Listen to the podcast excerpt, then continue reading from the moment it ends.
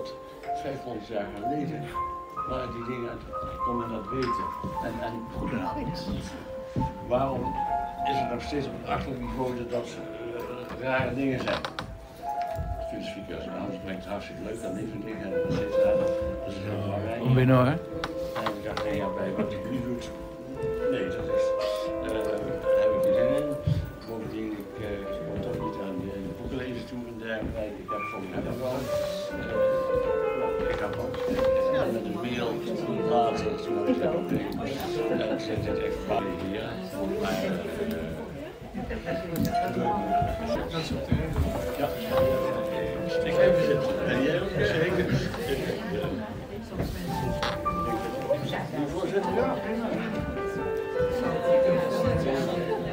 Er? Ja. Oké, okay, dank u. Ja, uit de eerste hand, hè? Helemaal niet. Maar als ik niet in ik, aan en kijk hoe uh, leuk en uh, goed en uh, wat ik dat deed. dat is een belangrijke reden. Ja, ik ben daar ook. Ja. Ja. Ik dacht dat ze hierin zitten. Ja. Goedenavond, welkom in Bibliotheek Hilversum in ons uh, ja, gezellige kleine bibliotheektheater. Vanavond gaat het over filosofie en uh, u bent gekomen, bent dus geïnteresseerd en uh, filosofie is natuurlijk breed, groot en een speciaal aspect daarvan, duurzaamheid, dat staat vandaag centraal. En Jasper Mekkers, welkom, gaat ons meenemen in wat hij nou bijzonder vindt. En zijn verhaal laat hij zien. Uh, natuurlijk met wat beelden, maar vooral met tekst. Uh, zelf geeft hij straks aan, uh, is er een pauzemomentje dat u misschien wat vragen kan stellen. anders wordt het tussendoor misschien wat lastig als, als u telkens zegt, oh ik, ik wil wat uitleg of ik heb een vraag. En daarna gaan we weer verder. En ik wens u een inspirerende avond. En ik, uh, ik laat mezelf ook verrassen, want uh, het is voor Jasper en voor ons een eerste kennismaking. En uh, ja, ik ga genieten. Dank u wel. Fijne avond. Ja. Nou, goedenavond, bedankt dat u er bent. Bedankt dat u vanavond een hedonistische reis naar de duurzaamheid in de filosofie heeft verkozen boven alle andere dingen die u vanavond had kunnen kiezen. Nu zag ik dat we vanavond zijn geprogrammeerd uh, naast uh, First Dates, Droomhuis gezocht en Luizenmoeder, de film. Dus er waren ook niet heel veel duurzame of filosofische alternatieven, denk ik, voor een avond over duurzaamheid en filosofie. Um, maar ik denk dat het ook heel mooi is om uh, een avond door te brengen met alleen maar mensen die geïnteresseerd zijn in duurzaamheid en filosofie. de rode lijn voor vanavond, het duurzaam hedonisme bij Epicurus. Want het hedonisme van Epicurus heeft een hele schare navolgers gekregen onder een reeks meer en minder bekende filosofen. Zo legt de Franse filosoof en epicurist Michel Onfray in zijn boekje Puissance d'exister, oftewel De macht van het bestaan, het hedonisme als volgt uit. Het geluk op aarde willen in het hier en nu en niet later, hypothetisch, in een onzeker hiernamaals. U hoort het al, Michel Onfray is een atheïst. Nou, vanavond wil ik samen met u onderzoeken welke epicurische filosofie duurzaam is. Met andere woorden, welke filosofie geen roofbouw pleegt op ons lichaam en onze waarden, maar dat lichaam en onze waarden juist kan verrijken. En een van de belangrijke kenmerken van de filosofie van Epicurus is dat ze mythes wil doorbreken. Vanavond dus geen ideologie of moraal, maar zoveel mogelijk nuchtere analyse, hopelijk ook voor een deel samen met u, van de gedachten en daden van de Epicurische denkers die ons voorgingen. Volgens Diogenes Laertius, over wie we straks nog meer zullen horen, was de eerste die zichzelf een filosoof noemde de leermeester van Plato, Pythagoras. Volgens deze Pythagoras was geen mens wijs, alleen God was wijs. Een filosoof zou dan volgens Diogenes Laertius iemand zijn die de wijsheid najaagt. En dat vind ik zelf wel een interessante definitie van de filosofie, de wijsheid najagen. Het betekent ook dat een filosoof per definitie geen wijze is. Want zoals Epicurus in zijn brief aan zijn leerling Menocéus al zei, het praktische verstand van de wijze is van groter waarde dan de filosofie. Volgens een filosoof als Michel Onfray, net al genoemd, is filosofie een visie op de werkelijkheid en wordt iedereen als filosoof geboren. Maar slechts een enkeling blijft het. De mythes die we in ons leven ingeprent krijgen zorgen voor het verval van onze filosofische aanleg. De Epicurische methode om de wijsheid, die in het geval van Epicurus het geluk was, na te jagen, is de ataraxie, een afwezigheid van wanorde, een perfecte gemoedsrust of ook wel een situatie zonder angst en pijn. Zijn methode? Het ontmaskeren van mythes, wat ik net al zei. Epicurus had dan ook een ook voor zijn tijd iets wat onchristelijke opvatting over de goden. Ze bestonden volgens hem uit atomen en leefden in zogenaamde tussenwerelden. In zekere zin zou je dus kunnen zeggen dat Epicurus een stille atheïst of op zijn minst een pantheïst was. Iemand die God gelijkstelde met de natuur. Het deus sive natura van Spinoza voor de kenners onder jullie, wat God of de natuur betekent. Nou, dan de logische vervolgvraag tijdens een college met de titel Duurzaamheid in de filosofie. Wat duurzaamheid dan is. Volgens Epicurus moeten we in dit leven vooral genieten in het hier en nu, door ons zo nu en dan ook wat genietingen te ontzeggen. Met als doel om later juist nog meer te kunnen genieten. En misschien zit daar wel een kern van duurzaamheid in. Of anders gezegd, zodat ook onze kinderen en hun kinderen kunnen genieten van deze enige leefbare planeet in het ons bekende deel van de multiversa. Multiversa, want de laatste stand van de wetenschap, en we zullen zo zien dat Epicurus met die laatste ontdekkingen van die wetenschap een deel van zijn hypothese bevestigd zou zien worden, is dat er net zoveel universa als zandkorrels op aarde zouden zijn. Het is daarom volgens een Nederlandse sterrenkundige als Vincent Ikke niet de vraag of er leven op andere planeten is, maar wanneer we dat leven ontdekken. Maar omdat de reis er naartoe, althans voor de huidige techniek nog te lang is om die planeten ook daadwerkelijk te kunnen bereiken, zullen wij voorlopig op aarde wat van moeten maken in het hier en nu. Sommigen zeggen daarom dat we duurzamer moeten leven of iets tegen de klimaatverandering moeten doen. Anderen denken misschien het zal mijn tijd wel duren, over 4 miljard jaar bestaat de aarde niet meer, is ze verbrand, opgeslokt door een stervende zon. Twee of eigenlijk drie wereldbeelden. De ene van het nihilisme, na mij de zondvloed. De tweede van het idealisme en antropocentrisme, de wereld redden. De derde, en het meer epicuristische, lokale, praktische wereldbeeld, een gelukkig leven nastreven door je eigen leefomgeving sociaal, ecologisch, economisch en politiek duurzamer te maken. Het hedonisme van Epicurus kan ons dus helpen om toch iets duurzaams van dit relatief korte leven op aarde te maken. Het toeval wil dan ook dat de naam Epicurus ik help betekent. In het geval van Epicurus wilde hij helpen om vrij te worden. En de aarde maakt het niets uit wat we doen. Wij leven als het meezit nog 70 jaar. Sommige wat korter, sommige wat langer. Als je heel veel gelukt hebt. De aarde nog circa 4 miljard jaar, vermoedelijk veel langer dan de mensen zullen zijn op onze planeet. Maar ook als je kijkt naar hoe lang de aarde al bestaat, zo'n 4,56 miljard jaar heb ik op Wikipedia ontdekt. En hoe lang de moderne mens bestaat, zo'n 300.000 jaar, dan zijn wij mensen als het ware om 5 voor 12 aangekomen op onze planeet. We komen pas net kijken en zullen vermoedelijk ook al relatief snel weer verdwijnen. Maar is naast de definitie van filosofie, een typisch menselijke uitvinding, dieren doen niet aan filosofie, aan zoeken naar de waarheid of wijsheid, die willen slechts overleven en zich voortplanten. En de definitie van hedonisme, nog een definitie die we even moeten bespreken. De definitie van duurzaamheid. Een oude definitie van duurzaamheid die nog steeds werkt, is de definitie die het Brundtland-rapport in 1987 gaf. Duurzaamheid is een ontwikkeling die voorziet in de behoeften van de huidige generatie, zegt die definitie, zonder de behoeften van toekomstige generaties, zowel hier als in andere delen van de wereld, in gevaar te brengen. Vanavond zullen we zien dat deze definitie van Brundtland bij uitstek een epicuristische definitie is. Misschien wel een epicurische definitie. Want vanavond is zoals gezegd een belangrijke rol weggelegd voor de Griekse filosoof Epicurus. Sommigen van jullie kennen hem misschien, maar voor de zekerheid toch maar even, wie was Epicurus nou eigenlijk? Epicurus werd ongeveer, hou je vast, 2365 jaar geleden geboren op Samos. En in die tijd was dat een Atheense nederzetting. Zijn diensttijd bracht hij door in Athene en daarna was hij lange tijd op Lesbos te vinden. Dit is allemaal Wikipedia-informatie hoor. Waar hij nadat hij de boeken van de materialisten Democritus en Leucippus had gelezen, zijn hedonistische en materialistische leer begon te onderwijzen. Een materialistisch filosoof is een filosoof die gelooft dat alles bestaat uit atomen. Vaak is het ook een sensualist, al dan niet avant la lettre, want ook voor het bestaan van de term sensualisme werd door materialistische filosofen groot belang gehecht aan onze vijf zintuigen, het kenmerk van sensualisme. Zoals bijvoorbeeld door Democritus, een belangrijke inspirator van Epicurus. Over Democritus, in zijn tijd een beroemdheid die zijn weerga niet kende, bestaan dan ook enkele bijzondere anekdotes. Die verband houden met die zintuigen. Zoals de anekdote, die een tikkeltje vreemd overkomt misschien, dat hij eens een vrouwelijk persoon tegenkwam die hij eerst begroette als meisje, maar toen hij haar de volgende dag opnieuw tegenkwam, begroette met het woord mevrouw. Volgens die anekdote zou hij hebben geroken dat betreft het meisje die nacht in de armen van een man had gelegen. Wat dus een kwestie was van atomen die zijn neus hadden bereikt.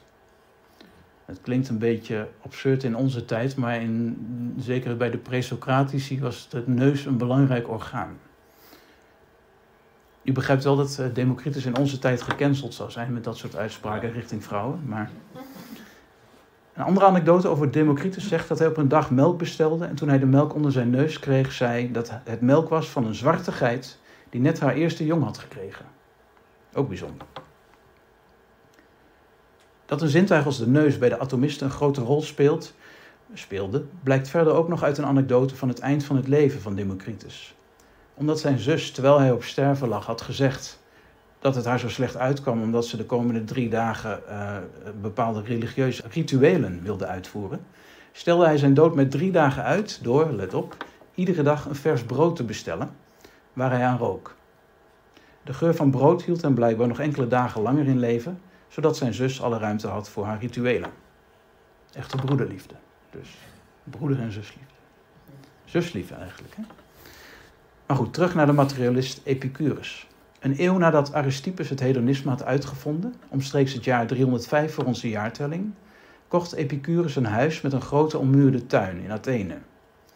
In die tuin onderwees hij zijn versie van het hedonisme. Epicurus' tuin stond open voor al zijn vrienden en ook slaven en vrouwen waren welkom. dan zou je denken, wat raar, slaven en vrouwen welkom. Iets in, wat, in die tijd was dat heel ongebruikelijk, omdat vrouwen en slaven in het oude Griekenland op een lage tree van de sociale ladder stonden. Lager dan de geboren Griekse mannen uit Athene. In die tuin van Epicurus werd gewoond, gediscussieerd en lesgegeven.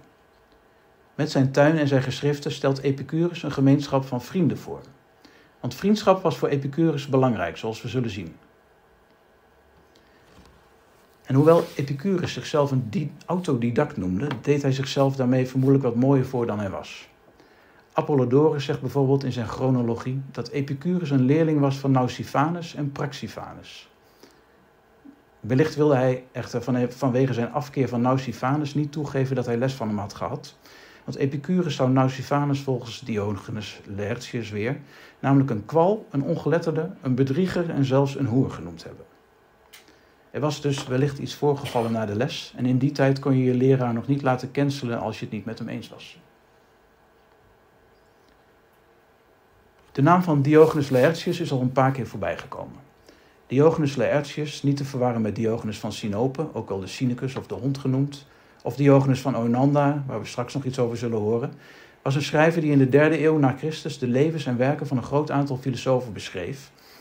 En vanwege de beperkte beschikbaarheid van andere informatie, veel is onder leiding van de kerkvaders verbrand omdat het niet overeenkwam met de christelijke leer, is zijn boek een belangrijke bron van onze kennis over de levens en leer van deze filosofen. Van Epicurus zijn gek genoeg slechts drie brieven en enkele citaten overgebleven. Hoewel van de citaten niet zeker is of ze van hem of van zijn leerlingen zijn. Dat die brieven zijn overgebleven is te danken aan diezelfde Diogenes Laertius die deze drie brieven opnam in zijn boek. Terwijl Epicurus volgens diezelfde Diogenes meer dan 40 boeken zou hebben geschreven, waaronder alleen al 37 over de natuur. Een deel van die boeken moest verdwijnen van de filosofische erfgenamen van Plato, die de materialistische leer van Epicurus niet konden verenigen met hun filosofie van de ideeën, die meer waar zouden zijn dan de werkelijkheid. Vanaf de tijd van de kerkvaders, de tijd van het vroege christendom dus, gebeurde dat actief. Door het verbranden van boeken met onwelgevallige meningen, maar ook passief door sommige boeken gewoon niet te vertalen of niet te publiceren. En natuurlijk heeft ook de tand destijds bijgedragen aan het verlies van een groot deel van zijn werk, want boeken werden in de tijd van Epicurus nog op papyrusrollen geschreven. En dat het eh, mediterrane, vochtige mediterrane klimaat is niet echt bevorderlijk voor papyrus. Behalve in het Romeinse Herculaneum, zoals we straks zullen zien. Want daar zijn, ze, zijn er een aantal bewaard gebleven. En zelfs ook toevalligerwijs epicuristische uh, geschriften. Nou, het christendom, ik uh, noem, stipte het net al even aan, ook onze joods-christelijke cultuur hebben altijd een wat moeizame verhouding gehad met Epicurus.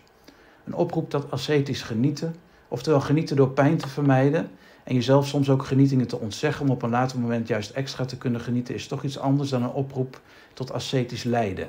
Jezelf ontzeggen van genietingen vanwege de erfzonde en door het navolgen van voorbeelden als een maagd die een kind baart, engelen zonder geslacht, en Jezus die na een intense lijdensweg sterft zonder water en brood, om enkele dagen later op te staan uit de dood met het oog op een paradijselijk leven, maar in het hiernamaals. Of de hysterie van de misogyne Paulus met zijn haat tegen het lichaam en de vrouw. Paulus die onder veel meer pleitte voor zo weinig mogelijk seks, maar als het dan toch moest, dan alleen binnen het huwelijk. Samen met de erfzonde staat Paulus, Paulus daarmee aan een bron van een hoop onverdraagzaamheid en vrouwonvriendelijkheid in onze joods-christelijke cultuur.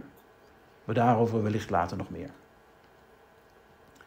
En de dood van Epicurus, toen hij voelde dat hij ging sterven, bestelde hij een bad met warm water om zijn laatste uren in door te brengen en een fles rode wijn. Is ook niet echt handig in relatie tot het christendom. Dat zo allegorisch is dat ze wijn zien als het letterlijke bloed van Jezus en uh, de hostie als het letterlijke lichaam van Jezus. Het epicurisme als Platon, anti-Platonisme. Want wat wilde Epicurus nu? Zijn filosofie zag geluk als het hoogste doel en de manier om dat te bereiken het kiezen voor genot, wat hij zag als het vermijden van pijn, om de ataraxie of een van elke taak vrijgesteld zijn en een toestand van volmaakt geluk te bereiken.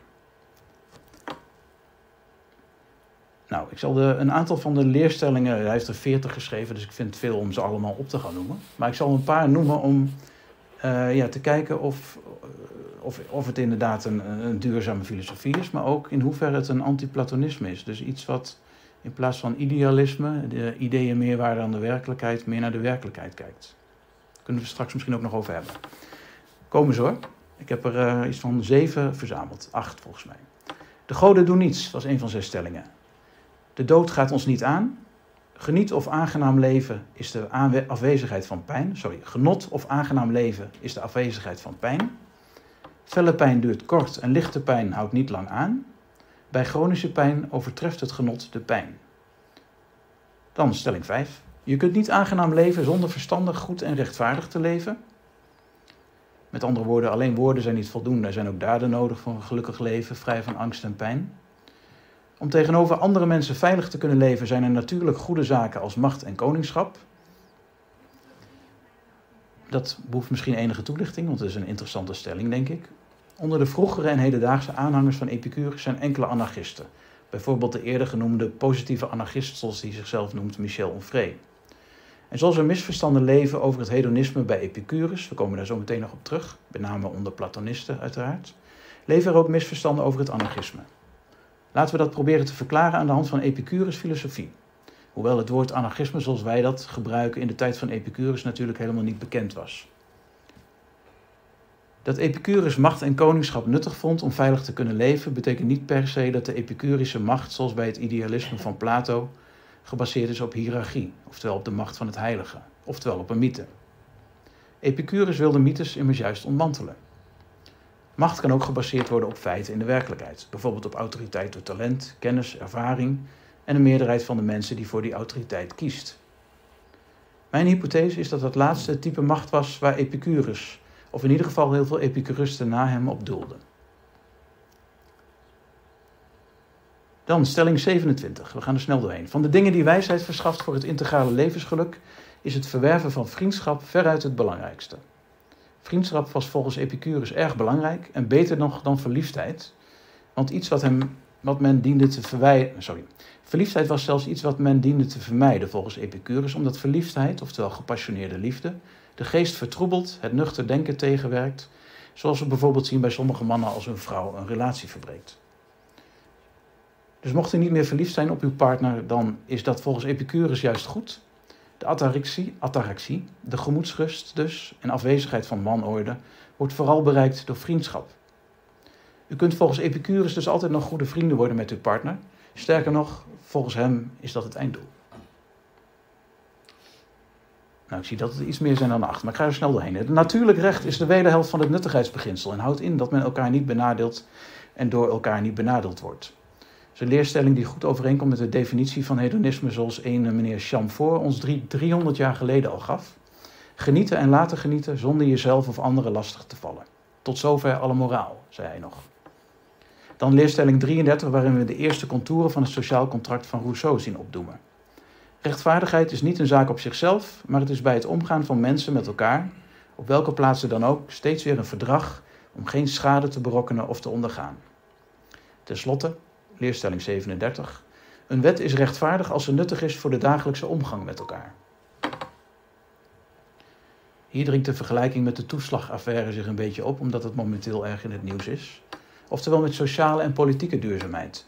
Net als met andere wetten die vaak door regels die gelden voor iedereen, of juist voor iedereen die lid is van een bepaalde groep, specifieke gevallen individuen dus aan de rand van de afgrond kunnen brengen. Het meest tragische voorbeeld is wel de jodenvervolging door de nazi's. En omdat dat zo verschrikkelijk was, is eigenlijk niets daarmee te vergelijken. In een later college, mocht dat doorgaan, zullen we zien dat de deontologie bij Kant een belangrijke filosofische wegbereider was voor die jodenvervolging. Omdat in zijn filosofie de wetten van de staat altijd opgevolgd moesten worden. Tegenover de deontologie staat het utilitarisme, een heel moeilijk woord, utilitarisme, met twee i's aan het begin, dat er net als Epicurus van uitgaat dat wederkerig nut belangrijk is. En daar zullen we het straks nog even over hebben. Met zijn leer liet Epicurus zich duidelijk kennen als anti-Platonist. Zo zegt hij in zijn brief aan Herodotus bijvoorbeeld: Zij die zeggen dat de ziel onlichamelijk is, bazelen maar wat. Een frontale aanval op het dualisme van Plato is bijna niet te bedenken. Het dualisme is de gedachte dat lichaam en ziel twee onafhankelijke onderdelen van een lichaam zijn, waarbij het lichaam sterfelijk zou zijn en de ziel niet. Het verschil tussen Plato en Epicurus is het verschil tussen een transcendentale en een immanente filosofie. Plato dacht dat de ideeën meer waar, waar waren dan de werkelijkheid, terwijl Epicurus de waarheid juist dacht te kunnen onderscheiden dankzij die werkelijkheid. Is transcendentaal iets wat de zintuigen overschrijdt, immanent iets wat met de zintuigen zichtbaar, voelbaar, hoorbaar is. Door het sensualisme van Epicurus, het idee dat de werkelijkheid alleen kenbaar is met onze vijf zintuigen, horen, zien, voelen, proeven en ruiken, kwam Epicurus tot een voor zijn tijd vrij accuraat begrip van de kosmos, doordat hij slechts hypotheses beschreef die niet in strijd waren met de waarneming. Epicurus riep anderen ook op scherp te zijn op hun redenering, als een bewering niet getoetst kon worden door de zintuigen, was het volgens hem een bewering die een betoog zwakker maakte. En bovendien houdt het ons af van het doel, de ataraxie, zo schrijft hij in Diogenes Laertius op bladzijde 442. Als men zich verzet tegen overduidelijke feiten, kan men nooit de echte gemoedsrust vinden, vond hij. Al is er veel verloren gegaan van de werken van Epicurus, er is een klein beetje hoop op het terugvinden van enige werken van hem. In Herculaneum, een Romeins stadje dat in, het jaar 79 door het uitbarsten van de Vesuvius werd bedekt met een meer dan 15 meter dikke laag vulkanisch materiaal, stond namelijk de bibliotheek van de epicurist Philodemus van Gadara. Al enkele eeuwen worden steeds meer papyrusrollen met zijn epicurische geschriften gevonden en vertaald. Wellicht worden in Herculaneum dus ook ooit de ontbrekende werken van Epicurus zelf ontdekt, bijvoorbeeld zijn boeken over de natuur.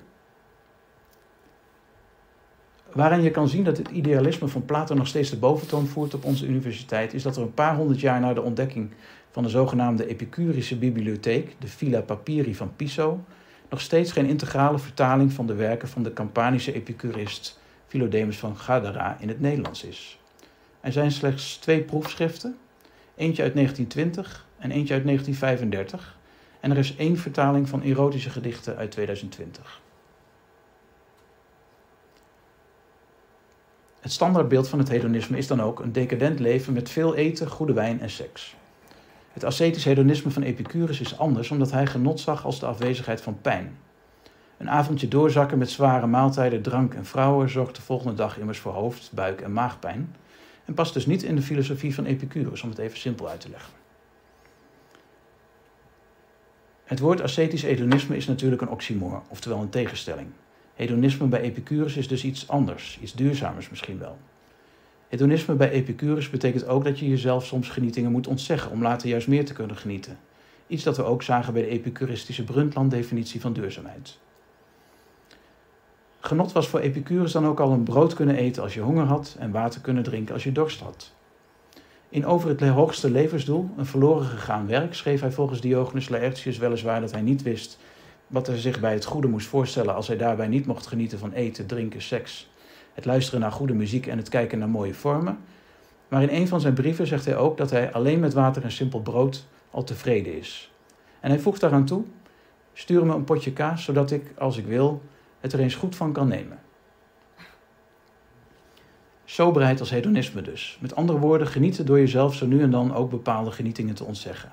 Duurzamer kan het bijna niet want goed voor planeet en lichaam. Het hedonisme bij Epicurus was een haast Calvinistische vorm van hedonisme. Epicurus leefde in het Athene van de 4e eeuw voor het begin van onze jaartelling, een Athene dat in die tijd nog de omvang had van een klein dorp waarin iedereen elkaar kende. Door de opkomende handel hadden sommigen geld en tijd over om zich bezig te houden met nadenken over de werkelijkheid en weer anderen om na te denken over ideeën en concepten. De, beperkte omvang Athene, van Athene zorgde er niet alleen voor dat iedereen elkaar kende, maar ook dat men makkelijk met elkaar in discussie kon gaan. Regelmatig hielden filosofen voordrachten waar andere, nu beroemde filosofen kwamen luisteren. Men zegt wel eens dat als Plato een tijdgenoot uit Athene de filosoof was, niet had beschreven in zijn werken, die betreffende filosoof waarschijnlijk niet echt had bestaan. Er bestaat een anekdote waarin de inspirator van Epicurus, Democritus incognito een gesprek voerde met Socrates. Omdat hij van buiten Athene kwam, kende men hem daar niet. Socrates zou nogal onder de indruk geweest zijn van zijn integrale kennis. Hij noemde hem ook wel de vijfkamper. Omdat hij blijkbaar op vijf terreinen uh, met, Democraat, met uh, Socrates heeft gediscussieerd destijds. Plato kende Democritus aantoonbaar wel, maar noemde hem nergens in zijn toch uitgebreide werk. We zullen zo meteen zien waarom. Terug naar Epicurus. Epicurus gaf ook adviezen om angst en pijn te voorkomen. Een bekend voorbeeld is zijn advies over een van de volgens mij meest voorkomende angsten in een mensenleven: de angst voor de dood. Om die angst weg te nemen, zei Epicurus: Als wij er zijn, is de dood er niet, en als de dood er is, zijn wij er niet. Een vrij eenvoudige, maar wel heel praktische stelling. Er was dus volgens hem eigenlijk helemaal niets om bang voor te zijn, omdat de dood ons niet aangaat. Wij zijn er dan immers niet meer. Van Epicurus mogen we genieten, zonder angst te hebben en zonder onszelf of anderen lastig te vallen met iets wat er niet is, waar we geen invloed op hebben en dat ons dus niet aangaat. En door het besef dat de dood ons niet aangaat, stelt Epicurus ons in staat te genieten van de sterfelijkheid en van de afwezigheid van het verlangen naar onsterfelijkheid. Van het besef dat ons leven eindig is en dat we mogen genieten van dit enige leven waar we wel zeker van zijn. Waarbij we volgens Epicurus kiezen en verwerpen steeds moeten betrekken op de gezondheid van het lichaam en de onverstoorbaarheid van de ziel. Daar is die weer, de ataraxie. En daarin zit een belangrijke overeenkomst met Nietzsche. Zijn grote gezondheid en zijn bekende uitspraak een ja, een nee, een rechte lijn zijn typisch epicuristische ideeën of uitspraken. Het epicurisme was dus niet alleen een school in het oude Athene, maar kreeg in de loop van de geschiedenis op allerlei plaatsen navolging. Onder andere dus bij Nietzsche, maar eerder ook al van de Romeinse dichter-filosoof Lucretius. In Herculaneum bij Philodemus van Gadara, maar bijvoorbeeld ook in Oinoanda, een plaats in het tegenwoordige Turkije, destijds Griekenland, waar Diogenes van Oinanda rond het jaar 130 zelfs een hele zuilengalerij liet beschrijven met zijn eigen epicuristische filosofie. Naast het hedonisme was ook het materialisme, een stroming in de filosofie die zegt dat alles materie is, een rode lijn bij epicuristen. Dat materialisme was wat hen onderscheidde van zowel het idealisme van de Platoonse school, de Stoïcijnen, Augustinus en zijn stad van God, de kerkvaders, de scholastiek als het Duitse idealisme. Dit materialisme zien we terug bij de epicurist Diogenes van Oinanda. Zo schreef Diogenes van Oinanda bijvoorbeeld op een van zijn zuilen dat de werkelijkheid bestaat uit atomen, dat de ziel bij ons overlijden uiteenvalt en dat er geen leven is na de dood. Stellingen die in zekere zin oproepen tot genieten van een leven in het hier en nu. Want van dit leven op aarde, ze zagen het al eerder, zijn we zeker, en van het bestaan van een leven na de dood allerminst. Een verschil tussen Epicurus en Lucretius was dat bij Epicurus goden nog in tussenwerelden leefden en we geen last van ze hadden. In het werk De Rerum Natura van Lucretius zijn goden volstrekt afwezig. De ontdekking van zijn De Rerum Natura in 1417 in een Duits klooster was dan ook het begin van het verval van onze joods-christelijke cultuur. Opeens werd namelijk duidelijk dat normen en waarden ook zonder een god en dus ook zonder het christendom mogelijk was, waren dankzij een epicurisme dat koos voor het genot en tegen het lijden van de christelijke ascese. Dankzij de ontdekking van De Rerum Natura, het eigenlijke hoogtepunt van de renaissance, zoals sommigen zeggen, werd duidelijk dat je in plaats van idealist ook materialist, epicurist of atheïst kon zijn. Natuurlijk duurde het nog een hele tijd voordat mensen dat ook echt durfden te zijn, want dat was uh, vrij gevaarlijk. Heel veel mensen waren zo verstandig om dat niet openlijk te laten blijken. Neem bijvoorbeeld Descartes. Lucretius zag de natuur als iets subliems, maar niet als iets goddelijks, zoals bijvoorbeeld Spinoza, die een pantheïst was. Pantheïst van God is overal, conform de Griekse betekenis van het woord en als identiek aan de natuur. Komt hij weer Deus sive natura, God of de natuur. Waarmee Spinoza overigens wel het atheïsme voorbereidde. Want het duurde niet lang meer of mensen durfden dat toch wel aan. Maar laten we terugkeren naar Lucretius. Lucretius was niet alleen qua hedonisme wat begonischer dan Epicurus. Een hypothese van de Franse filosoof en Nietzscheaan Michel Onfray, die al een paar keer is genoemd, is dat, af te lezen aan het elan vital wat spreekt uit zijn meesterwerk De Rerum Natura, dat bruist van het leven, zijn lichaam ook wat gezonder moet zijn geweest dan het lichaam van Epicurus. Lucretius bezat vermoedelijk, in ieder geval tijdens het schrijven van dat boek, zoals Nietzsche dat zou zeggen, de grote gezondheid. Epicurus daarentegen leed aan nierstenen en verkoos alleen al daardoor vermoedelijk een leven op water en brood boven een leven met uitbundig eten, veel drank of vrouwen. Straks zullen we zien dat de epicuristische theorie van Nietzsche is dat juist door het overwinnen van laag lichamelijke klachten, lichaam en dus geest vitaler kunnen worden. Hierin schuilt wellicht het kenmerk van verheffing, van meer worden dan jezelf. En ondanks je ziekte, of eigenlijk dankzij je ziekte, kunnen excelleren. Die term elan vital die net voorbij kwam, was ten tijde van Lucretius natuurlijk nog niet bekend, maar is een term die we aan de 19e eeuwse filosoof, vitalist, Franse filosoof Henri Bergson te danken hebben. Het vitalisme is een stroming in de filosofie die denkt dat er iets meer moet zijn dan alleen materie, omdat als je alle materie waaruit een levend wezen is opgebouwd samenvoegt, je nog geen leven hebt. En dat iets noemt Bergson dus elan vital, Spinoza bijvoorbeeld conatus, Nietzsche wil tot macht en de oude Egyptenaren bijvoorbeeld ziel of ademtocht. Wat wellicht tevens een verklaring is voor het Franse woord souffle voor ziel. Nietzsche's variant van elan vital was dus de wil tot macht, wat omschrijven is als iets in het leven dat het leven wil. Volgens materialisten als Epicurus, Lucretius, maar ook Nietzsche en Onfray is ook het elan vital trouwens materie. Zij het dan wel een bijzonder soort materie, wellicht in de vorm van een energie. Een energie die alles dat gemaakt is van sterrenstof, en dat is alles voor degenen die dat nog niet wisten, in zich draagt. Afkomstig uit een kosmische tijd. Deze materialistische transcendentale werkelijkheid, een oxymoor voor iets waarvan je vermoedt dat het er is, maar van je de aanwezigheid nog niet hebt aangetoond, is van een hele andere orde dan de aanname van een gewone transcendentale, dus metafysische werkelijkheid. Een werkelijkheid die buiten het fysiek waarneembare ligt, zoals de achterwereld, zoals Nietzsche dat noemde, van het idealisme. Een wereld van de ideeën, de concepten en de goden dus, die bij uitstek de wereld van Plato en het christendom is. De epicurist en vitalist Nietzsche werd niet alleen zoals bekend geïnspireerd door Schopenhauer, maar ook door de Amerikaanse filosoof Emerson. En Emerson was weer de leermeester van Thoreau. Wat ons de kans geeft om een bruggetje te maken naar deze interessante filosoof. Die vooral bekend is van zijn boek Walden, dat hij schreef terwijl hij in zijn eentje in een houten hut in een bos aan de rand van het meer Walden woonde. Emerson en Thoreau leverden kritiek op de volgens hun gedachteloze conformiteit van de samenleving en drongen erop aan dat elke persoon op zoek ging naar wat Emerson ook wel een oorspronkelijke relatie met het universum, oftewel de kosmos, noemde. Centraal in het transcendentalisme staat het geloof in de inherente goedheid van zowel de mens als de natuur. Transcendentalisten geloofden in zekere zin, net als Rousseau en de Marxisten, dat de maatschappij en haar instellingen, met name georganiseerde religie en politieke partijen, de onschuld van het individu corrompeerden. De transcendentalisten geloofden dat de mens op zijn best was wanneer hij zelfstandig en zelfvoorzienend leefde. Een ideale gemeenschap kon volgens hen alleen uit zulke individuen samengesteld zijn. Deze visie op de werkelijkheid bracht Thoreau dus in de praktijk, wat kenmerkend is voor een filosofie die niet alleen belang hecht aan de ideeën, maar ook aan de werkelijkheid. Niet alleen aan woorden, maar ook aan daden. Net als bij Epicurus zien we ook bij Thoreau een vitalisme en een elan vitaal in de praktijk werken. En het leuke aan Thoreau is dat er ook een Hilversumse link is te maken met Thoreau. Of eigenlijk, ik denk dat je een Bussumse link moet zeggen. Door de kolonie Walde van Frederik van Ede, die op de grens van Bussum en Hilversum op landgoed Kruisberg heeft gestaan.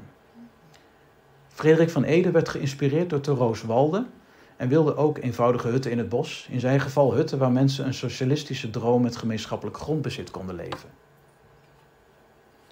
In het begin groeide de commune Walde snel en werd deels zelfvoorzienend met een groep tuinbouwers en een groep bakkers. Toch ging Walde, zoals zoveel communes, aan ruzie en financiële malversaties ten onder, wat natuurlijk de vraag opwerpt naar de relatie tussen samenleven in een commune en individuele vrijheid, of de vraag over de relatie tussen gemeenschappelijk bezit en attractie, of die de attractie eigenlijk wel dichterbij brengt, om even in epicurische termen te blijven.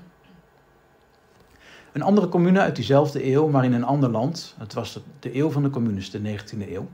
De commune van Parijs kende bijvoorbeeld geen gemeenschappelijk eigendom, maar was wel succesvol. Wat meteen het gevaar van die materialistische, libertair-socialistische Parijse commune aangaf voor het idealisme van het marxistisch socialisme. De commune van Parijs werd dan ook door republikein, door republikeins links in bloed gesmoord. Mijn hypothese is dat dit republikeins links tegenwoordig liberaal links genoemd zou worden. Een onderbouwing voor die hypothese is niet alleen dat de links-liberaal, waarmee ik overigens niet wil zeggen dat links-liberaal, uh, liberaal links ook uh, opstanden in bloed zou willen smoren. Een onderbouwing voor de hypothese is niet alleen dat de links-liberaal Macron zich ten tijde van de gele hesjes, net als de slachter van de commune Adolphe Thiers, in Versailles verschool, klaar om per helikopter te ontsnappen als dat nodig was, maar ook dat Macron zelf naar de slagen van de commune Adolphe Thiers en de zijnen verwees als degene die de republiek gered zouden hebben ten tijde van de, van, sorry, ten tijde van de commune van Parijs. Ten koste overigens van ruim 30.000 vreedzame communaars, die veelal zonder vorm van proces gefusilleerd werden. Wat dat betreft is Frankrijk echt het land van de, de bloedige revoluties. Net als misschien Rusland. In Nederland uh, waar, vloeide er ook wel bloed bij revoluties, maar beduidde het minder. Bijvoorbeeld bij het Palingoproer. Ik meen dat daar twaalf doden vielen. Dat is natuurlijk vreselijk. En andere verhoudingen qua aantallen bevolking, maar... Nou. Maar goed, gemeenschappelijk bezit dus, daar ging het even over. Als Frederik van Eden naast Thoreau ook Epicurus had gelezen, dan had hij zich kunnen laten inspireren door een Epicurus die zoals Diocles in boek 10 op bladzijde 411 van Diogenes Laertius weer zei, gezegd zou hebben dat het onjuist was om eigendommen tot gemeenschappelijk bezit te maken. De reden die Epicurus hierbij opgaf was dat gemeenschappelijk bezit getuigt van wantrouwen en als er geen vertrouwen is, was er volgens Epicurus ook geen vriendschap. Waaruit weer het belang blijkt dat Epicurus hechtte aan vriendschap. Waarom werden epicuristen, van Epicurus tot de communaars, door de eeuwen heen nu zo verketterd? En waarom werden hun boeken vernietigd of doodgezwegen door de erfgenamen van Plato's idealisme? De Stoïcijnen, de kerkvaders, de latere scholastiek en het Duitse idealisme. Volgens, daar is hij weer, de Franse filosoof Michel Onfray is de reden simpel. Omdat deze epicuristen het geluk op aarde willen in het hier en nu en niet later, hypothetisch in een onzeker hiernamaals. De kracht van de herhaling. Maar of het nu het elan vital van Epicurus, Nietzsche, Thoreau, Onfray of Van Ede is, de hedonistische kracht van iets in het leven dat het leven wil, zagen we net hè, bij de wil tot waarheid, wil tot macht, sorry, bleef door de eeuwen heen bestaan, ook al werd het onderdrukt, vergeten of duizenden jaren lang weggestopt. Wat wordt bedoeld met elan vital kan ook heel mooi worden uitgelegd met het verhaal over de Egyptische graankorrel. Als je een 4000 jaar geleden ter gelegenheid van de dood van een farao geofferde graankorrel uit een Egyptische piramide haalt, in de grond stopt en water geeft, ontkiemt deze graankorrel weer. Niet alleen dankzij licht, water en de materie die we kennen, maar ook dankzij datzelfde elan vital. Iets wat we nog niet kennen, maar iets in de graankorrel dat het leven wil. En dat blijkbaar maar liefst 4000 jaar kan wachten op het geschikte moment om dat leven te starten door te ontkiemen. Waarom dit elan vital belangrijk is op een hedonistische reis naar de duurzaamheid in de filosofie, is omdat je elan vital invloed heeft op je filosofie.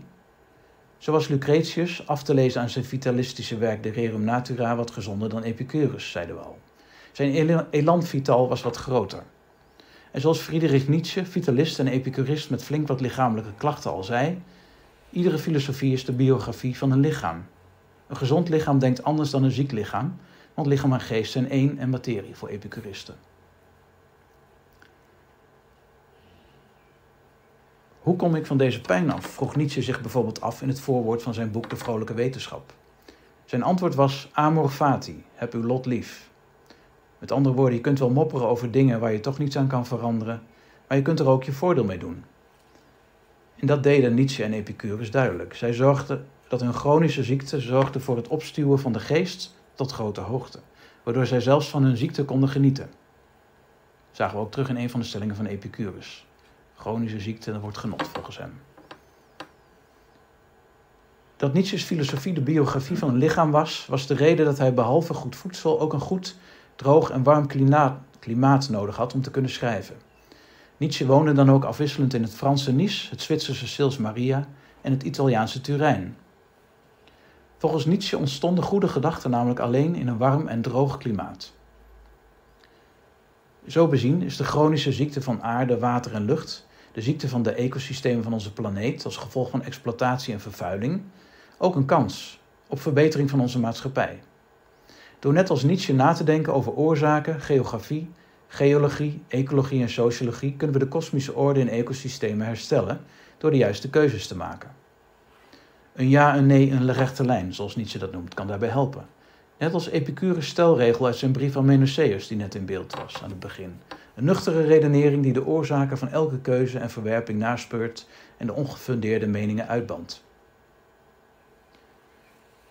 De strijd die Epicurus streed tegen mythes om de mensen te bevrijden van angst en pijn met als doel een gelukkig leven is een strijd van alle tijden. Het liberalisme, dat al sinds 1848 de overheersende ideologie is in onze joods-christelijke cultuur, is gebaseerd op mythes en mist een elan vital, iets wat nog nieuwe cultuur kan vormen.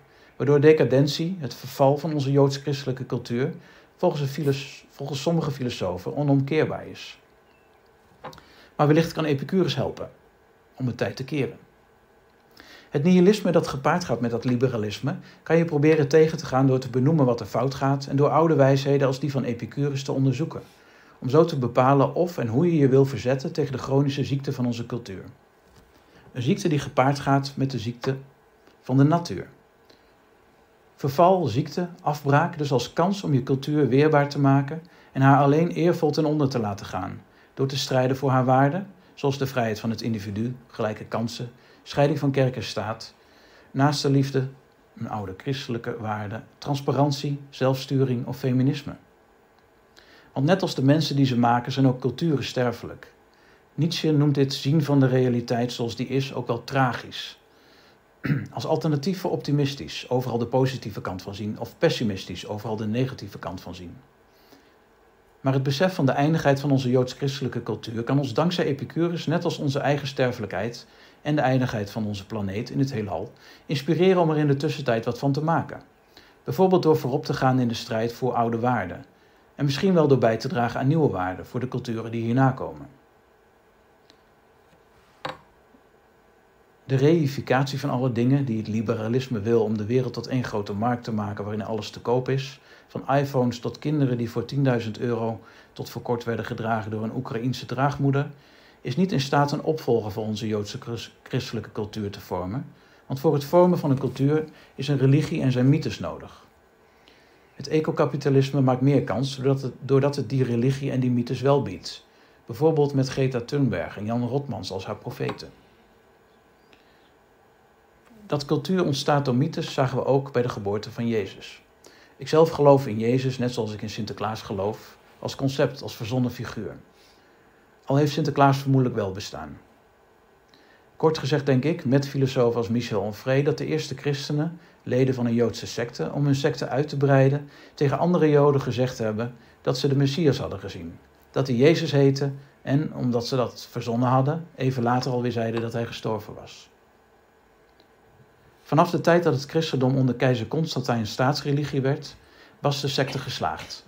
Dankzij een keizer die overigens zo moordlustig was dat hij zowel zijn zoon als zijn vrouw vermoordde.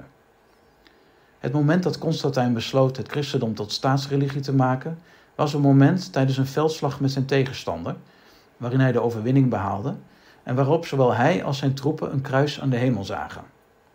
Omdat hij de veldslag won, zei hij dat hij als dank de christenen een dienst zou bewijzen.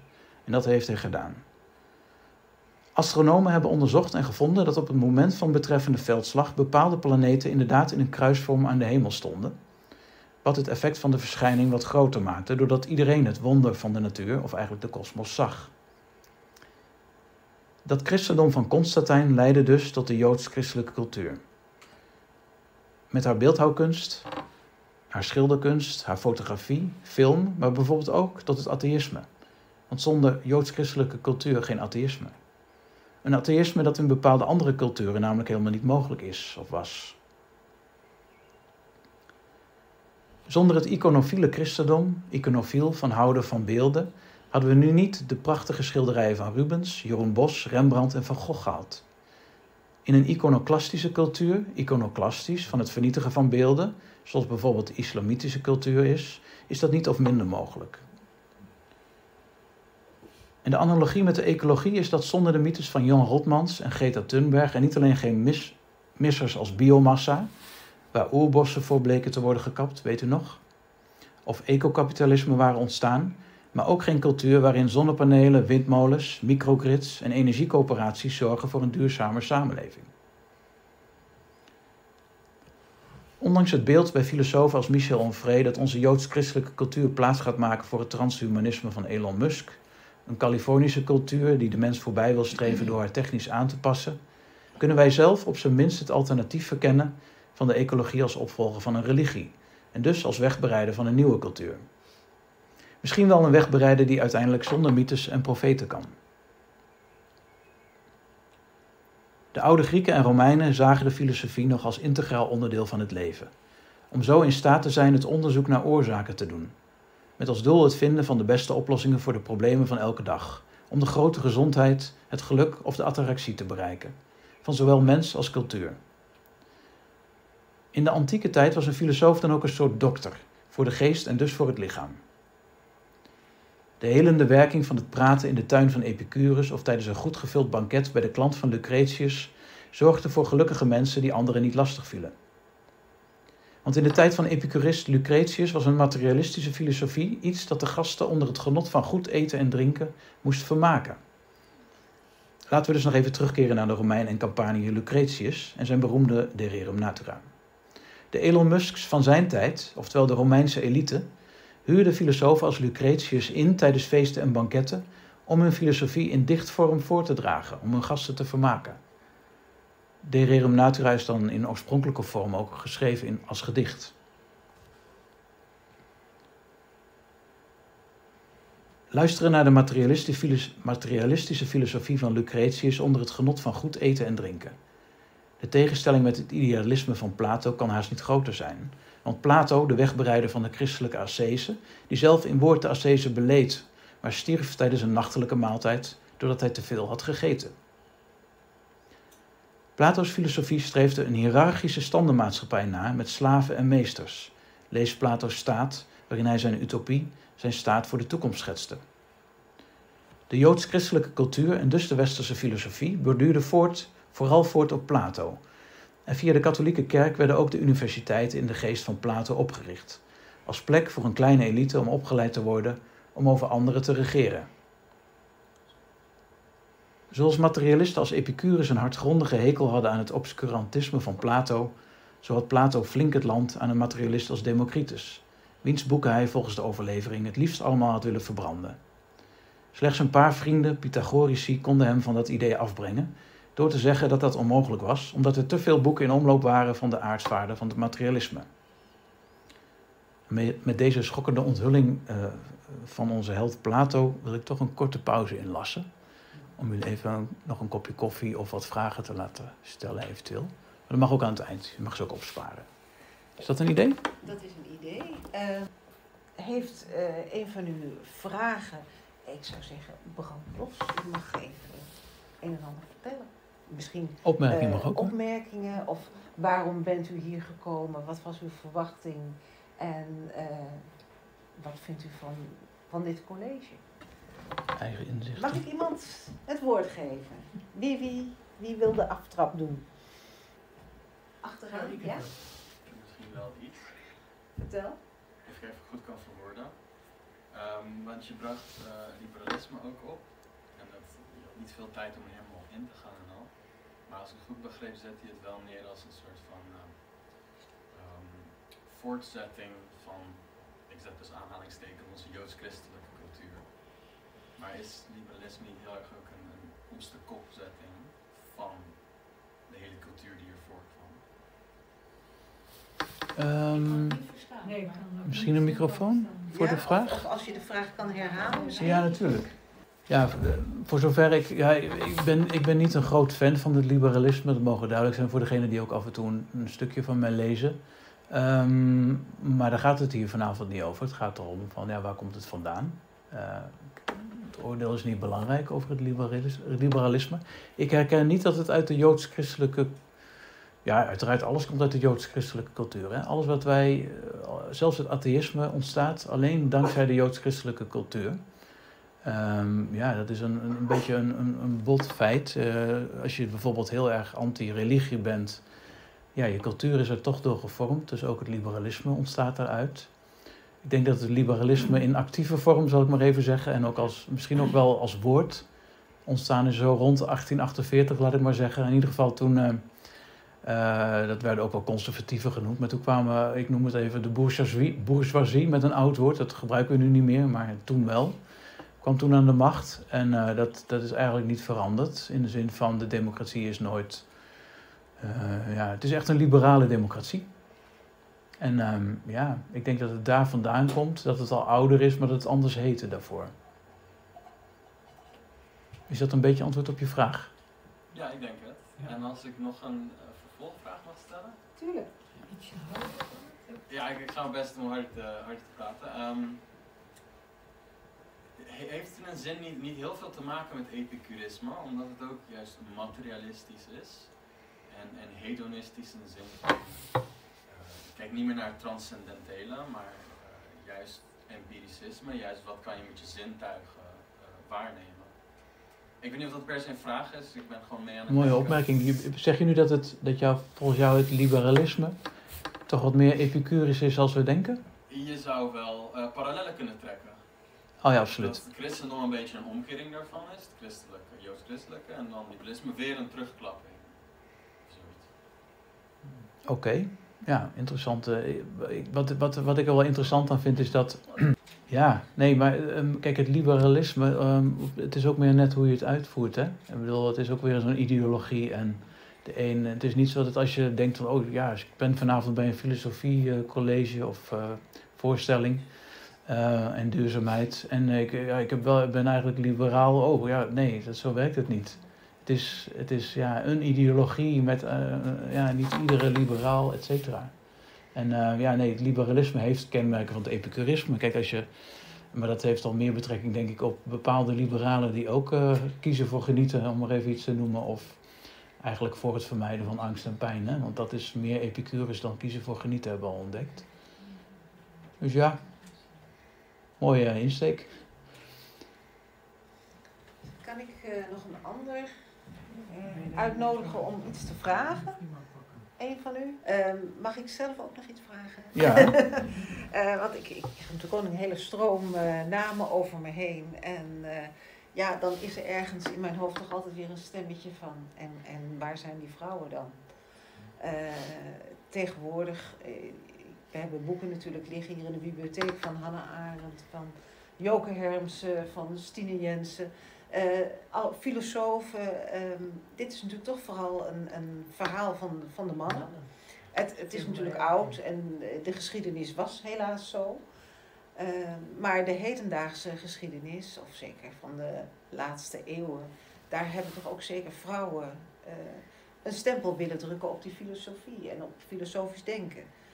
Eh, krijgen we daar nog een, een beeld van of komt dat vandaag niet voor? Nou, ehm, vandaag zijn het volgens mij allemaal mannen, excuus. Ehm, maar dat heeft te maken met deels met de antieke oudheid. Maar Ja, ook in de antieke oudheid waren wel degelijk, waren er niet veel. En soms waren het vrouwen van filosofen. Maar waren er toch wel degelijk een aantal vrouwen die eh, zich filosoof noemden en ook filosofeerden. Ja. En dat is, dat is, ja, ik weet niet of we dat nou op één hand te tellen, maar dat is wel een college waard hoor. Ja. Maar zeker voor de moderne tijd, ja, daar zijn er legio. En of je nou, en inderdaad, wat noem je eh, wel en niet een filosoof, hè? Iemand die de visie op de werkelijkheid heeft als dat het is, ja, dan barst het ervan. En dan is Hilversum een hotspot, want dan hebben we Henriette Holland-Holst, dan hebben we ja, Jan Fortuyn die in die familie zat, die woonde dan weliswaar in Amsterdam. Eh, dan hebben we eh, Louise Michel die op bezoek kwam bij Jan Fortuyn. En zo kunnen we uren doorgaan. Ja, Eh, je beeld springt weer verder. Nou, ik wil toch graag verder, hè? Ja. Nou, Dankjewel, Niels. Zijn jullie nog toe, kunnen jullie al verder of zijn er nog andere vragen? alle ismes, die ga- gaan ook soms een beetje verloren. Ja, het zijn er veel, hè? Het zijn ja. er veel en soms verdient er eentje toch nog wel een klein beetje uitleg. Oké, ja. De meeste ken ik, maar soms versta ik het niet en denk ik, eh, eh, ik gok even. Ja, snap ik, ja. Ja, ja, nee, het zit, dat is het lastige aan filosofie. Je komt- wordt doodgegooid met allerlei ingewikkelde termen. Eigenlijk zou je het ook eens even moeten stoppen en dit is dat, ja. Het is een lastig, lastig dilemma. Nou, we hebben net, eh, voordat we de interactie hadden, hebben we Plato ontmaskerd. Hadden we eigenlijk al een beetje gedaan, maar ja, dat hij ook boeken wilde verbranden voor Democritus is natuurlijk helemaal, eh, ja, niet zo netjes. Maar gelukkig waren er twee Pythagorici die hem daarvan af wisten te houden. Ehm, maar Plato is niet een en al kommer en ellende, en kwel. Het leuke aan Plato is namelijk dat hij ons ook kan inspireren tot materialisme. Hij bewees namelijk dat een utopie niet per se iets is wat niet in de praktijk te brengen is. Want voor duurzame vooruitgang zijn utopieën, duurzame vergezichten noodzakelijk. Maar nog belangrijker is het om de daad bij het woord te voegen. En het is wel een beetje een, ja, een soort van, in ieder geval voor mij tot, eh, tot een tijdje geleden, een onbekend eh, bericht over het woord utopie. Dat dat iets is wat ook gewoon in de praktijk gebracht kan worden. En dat is sterker nog dat het ook de, ja, het doel van het woord of de, het begrip utopie ook is om een doel te stellen wat je in de praktijk kan gaan brengen. Ik zeg niet dat het meteen lukt, dat zagen we ook aan Frederik van Eneswalde, maar eh, dat terzijde. Plato heeft ook geprobeerd om eh, zijn filosofie in de praktijk te brengen. En hij deed dat ehm, in Syracuse, een Griekse kolonie op het tegenwoordige eiland Sicilië. eh, waar hij een, een, een kennis of een vriend had die Dion heette. En die goed contact had met de plaatselijke tiran Dionysus. Ehm, en hij probeerde dus daar zijn eh, niet zo hedonistische staat in de praktijk te brengen. Maar dit politieke experiment eh, liep wel uit op een uh, falikante mislukking. En dat kwam doordat Plato, of dat Dion eigenlijk in ongenade viel bij de plaatselijke tiran. Waarna ook voor Plato de werkelijkheid toch sterker bleek dan het idee. En hij gedwongen was om naar Athene terug te keren. Nadat hij eerst nog was verkocht als slaaf en door vrienden weer was vrijgekocht.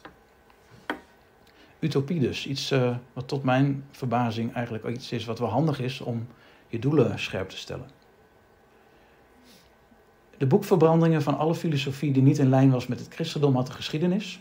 Van het verbranden van boeken in de werkelijkheid of door het doodzwijgen van boeken, wat ook voor het christendom al gebeurde. En het pure rancune noemt Plato bijvoorbeeld nergens in zijn uitgebreide werk de naam Democritus, die hij dus wel degelijk kende. Het is de aloude variant op de boekverbranding, het doodzwijgen van een onwelgevallige mening. Er is dus een duidelijk beginpunt te benoemen voor de tegenstelling tussen Plato's idealisme en het materialisme van de Epicuristen, namelijk Plato's wens om de boeken van Democritus te verbranden.